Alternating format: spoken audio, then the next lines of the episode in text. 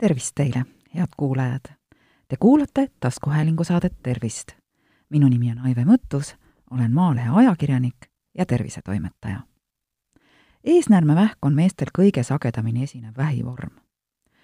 kuigi see areneb väga aeglaselt, ei jõua kõik mehed ikkagi õigel ajal arsti juurde. miks on eesnäärmevähi esmasjuhtude arv viimastel aastatel oluliselt kasvanud ning kas ja kuidas selle tõvega võideldakse sellest tänases saates räägingi. saate aluseks olen võtnud möödunud nädalal Maalehes ilmunud intervjuu, mille tegin Ida-Tallinna Keskhaigla ja Confido Erameditsiinikeskuse uroloogi doktor Toomas Tammega. miks siis eesääärmevähki aasta-aastalt aina enam diagnoositakse? doktor Tamm ütleb, et peamiselt on selle põhjuseks prostataspetsiifilise antigeeni ehk lühidalt PSA markeri kasutusele võtmine muidugi on hea, et kasvaja avastatakse varakult, aga tuleb arvestada, et selle analüüsiga leitakse ka palju ravi mitte vajavaid eesnäärmekasvajaid. analüüsi tulemus nimelt ei ütle, millise haigusega on tegemist, vaid annab juhiseid, mismoodi patsiendiga edasi käituda. kas korrata analüüse või võtta eesnäärmekoest proovitükke. ja kui võtta proovitükid, ei tea kunagi ette, millisesse riskigruppi see kasvaja kuulub. Kas madalasse, keskmisse või kõrgesse üldiselt ravitakse keskmise ja kõrge riskiga patsiente. madala riskiga patsiendid jäävad doktor Tamme sõnul aktiivsele jälgimisele. teine põhjus, miks kasvajate avastamine on sagenenud, on see, et teavitustöö tulemusel on mehed hakanud sagedamini arsti juures käima. teadmine eesnäärmevähist ja selle levimusest on paranenud. väga positiivne, eks? otsust, kas haigust hakatakse ravima või jälgima, ei sõltu aga mitte patsiendi vanusest vaid hoopis kasvaja tüübist, patsiendi eelistustest ja informeeritusest. kontroll koosneb perearsti juures PSA analüüsi tegemisest ja vajadusel uroloogi juures eesnäärme rektaalsest palpatsioonist, et otsustada, kas on vaja võtta koeproovitükke või mitte. ning lõppkokkuvõttes on määrav ikkagi kasvaja koe rakuline ehitus. Mehed on hakanud küll rohkem arsti juures käima, kuid kas sellest piisab? doktor Toomas Tamm ei usu, et veel sagedasem arsti juures käimine aitaks. mõnes mõttes on see aga siiski vajalik, et mehed hooliksid oma tervisest. tegemist on üldise soovitusega sarnaselt sellele, et toiduratsioon peaks olema mõistlik, jälgitakse oma kehakaalu, füüsilist aktiivsust ja liikumisharjumusi. suitsetamine, ülekaalulisus ja liigne alkoholi tarbimine on väga suured terviseriskid just pärast viiekümnendat eluaastat siis hakkavad need olulist rolli mängima. kui rääkida terviseteadlikkusest, siis iga keskealine mees võiks teada, kui kõrge on tema vererõhk, vere kolesterooli tase, kuidas süda töötab, milline on kehakaal ja kehamassi indeks ning lisaks veel mõned olulised näitajad, no näiteks veresuhkur ja BSA. sellest on terviseriskid juba näha doktor Tamm on seisukohal, et kuigi eesnäärmevähi esinemissagedus on kõvasti kasvanud, ja see on tõsine teema, pole paaniliseks, mitte plaaniliseks, vaid paaniliseks tervise kontrollimiseks põhjust. on teada, et enamasti on eesnäärmevähk üks aeglasema kuluga vähktõve vormidest. viis aastat elavad kõik selle diagnoosi saanud mehed, pole vahet, kas neid ravitakse või mitte. metastaaside tekkeni läheb väga kaua aega. Need ei teki mitte ühe, kahe, kolme, vaid viie kuni kümne aastaga samas, nad tekivad ja nende teke tuleb ära hoida. ravi parandab mitte niivõrd üldist, vaid haigusspetsiifilist elulemust, ehk teisisõnu, kui me eesnäärmevähki ravime, siis ei saa mitte see haigus mehe surma põhjuseks, vaid hoopis mingi muu asi, näiteks mõni teine haigus või õnnetus. Kuid kuidas mõistlik tasakaal leida, on arutelu küsimus. praegu suhtutakse asjasse nii, et püütakse aru saada, kas on veel kriteeriume, mille alusel patsiente selekteerida. Neid võimalusi väga palju ei ole, aga mõningad siiski on.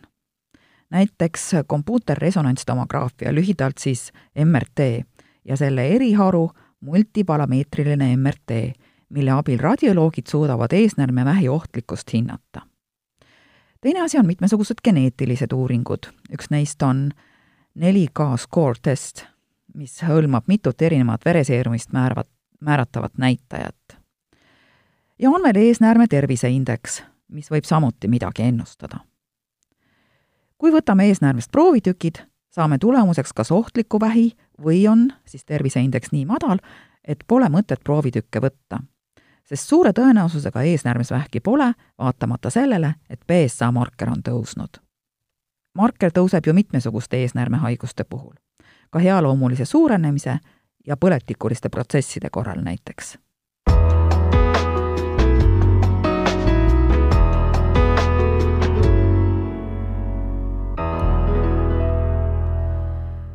kuigi eesnäärmevähi pulg on aeglane, ei saa siiski öelda, et äh, kõik mehed jõuavad õigeaegselt arsti juurde. kõik oleneb kasvaja iseloomust.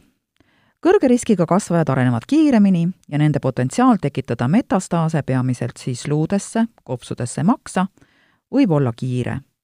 niisugusel juhul on esmase avastamise kiirus oluline. aga kui me räägime skriiningust, siis leiavad tohtrid väga palju selliseid haigeid, kes tegelikult ravi ei vaja. Statistika näitab, et skriinimine küll vähendab eesnäärmevähki suremust kolmkümmend protsenti umbes, aga selleks, et sellist tulemust saavutada, peaks ravima sadu ja sadu haigeid, kes tegelikult ravi ei vaja. selles seisnebki vastuolu. targalt võiks doktor Toomas Tamme arvates käituda nii, et otsustada, kes vaja, vajavad eesnäärmevähi osas erilist tähelepanu ja nendeks on mehed vanuses nelikümmend viis kuni kuuskümmend viis eluaastat. Vanematel kui kuuekümne viie aastastel meestel oleneb raviotsus väga palju kaasnevatest haigustest ja üldisest terviseseisundist. haigus areneb neil aeglasemalt ja jõutakse sekkuda, sest niisuguses vanuses mehed käivad sagedamini arsti juures. neljakümne viie, kuuekümne viie aastased käivad aga tunduvalt harvem ja baasteadmine nende eesnäärme tervisest on väga oluline seda, miks eesnäärmevähk noorematel meestel ja ülekaalulistel agressiivsem on, küll täna juba teatakse, aga miks see nii on, veel ei teata. võib-olla kümne aasta pärast oskab arstiteadus sellele küsimusele vastuse leida. samas ülekaalulisus on enamuse vähiliikide riskitegur, selles pole kohtlust. ka loomsete rasvade suurem tarvitamine on seda. lisaks veel südamehaigused muret teeb arstidele aga hoopis see, et täna on meil iga neljas koolilaps ülekaaluline. mis nende tervisest täiskasvanuna saab? Kas kõik need haigused, mis praegu tabavad inimesi pärast kuuekümnendat eluaastat, on ülekaalulistel lastel küljes juba pärast neljakümnendat? me ei tea seda täna. küsisin doktor Tammelt sedagi, kas eesnäärmehaigused, eriti vähk, on meestel sageli seotud hirmuga kusepidamatuse ja erektsioonihäire ees tohter vastas, et pigem on see nii eesnäärme varajase kasvaja radikaalse ravi ja sellega kaasneda võivate võimalike tüsistuste korral ning äh, selgitas, mida tähendab sõnapaar radikaalne ravi. võimalikud on siis kaks varianti, kiiritusravi või operatiivne ravi. viimane omakorda jaguneb kaheks võimaluseks. lahtiseks operatsiooniks, kui eesnäärmele lähendatakse haava kaudu kõhu poolt ja kinniseks, ehk laparoskoopiliseks operatsiooniks, mille kollar eesnääre eemaldatakse torude kaudu. nahale jäävad vaid väikesed haavakesed. Kogemus ja ka uuringud näitavad, et uriinipidamatus on harva esinev ja see paraneb aja jooksul. tõenäosus uriinipidamatuse tekkeks radikaalse ravi korral on viis kuni kümme protsenti. erektsioonihäirete tekke tõenäosus oleneb haiguse ulatusest. kas operatsioonil saab säilitada erektsiooninärve või mitte kui vähk on kas või natukenegi väljapoole eesnääret levinud ja püütakse meeleheitlikult neid närve säilitada, pole operatsioonist tegelikult mingit kasu. Ja üldiselt tähendab siis radikaalne ravi ikkagi vähikolde täielikku eemaldamist ning olenevalt haiguse ulatusest tekivad erektsioonihäired umbes viiekümnel protsendil meestest kui on tõesti tegemist hästi väikese vähikoldega, saab seda siiski eemaldada niiviisi, et kaheksakümnel protsendil opereeritutest erektsioonivõime säilib. samas, erektsioonivõimet saab vajadusel pärast operatsiooni ravimitega parandada. Uurisin tohtrilt sedagi, kas uroloogidel on ette tulnud patsiente, kes on neil põhjustel radikaalsest ravist loobunud. üldiselt, kui on ikka kuri kasvaja, otsustatakse pea alati ravi kasuks kui aga kasvaja iseloomust tulenevalt on võimalik valida radikaalse ravi ja aktiivse jälgimise vahel, siis väga paljud mehed, just nooremad, valivad viimase variandi ja käivad väga korralikult kontrollis. Aktiivne jälgimine sobib teatud kindlate vähivormide ja teatud ulatusega haiguse puhul. ja kontrollis tuleb tõesti käia korralikult, sest haigus võib aja jooksul oma iseloomu muuta ja agressiivsemaks muutuda. kui mees kontrollis käimisest ei hooli, riskib ta sellega, et tervistav ravi, kui see peaks vajalikuks osutuma, jääb hiljaks siis tuleb juba käsile võtta muud ravivõimalused, mis neile kahele olulisele funktsioonile, erektsioonile ja kusepidamisele, aga veelgi halvemalt mõjuvad. otsus on igal juhul siiski väga individuaalne ning mingit ühte retsepti anda ei saa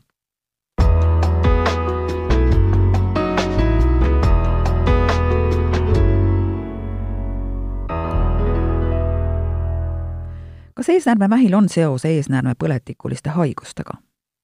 jah, arvatakse, et on.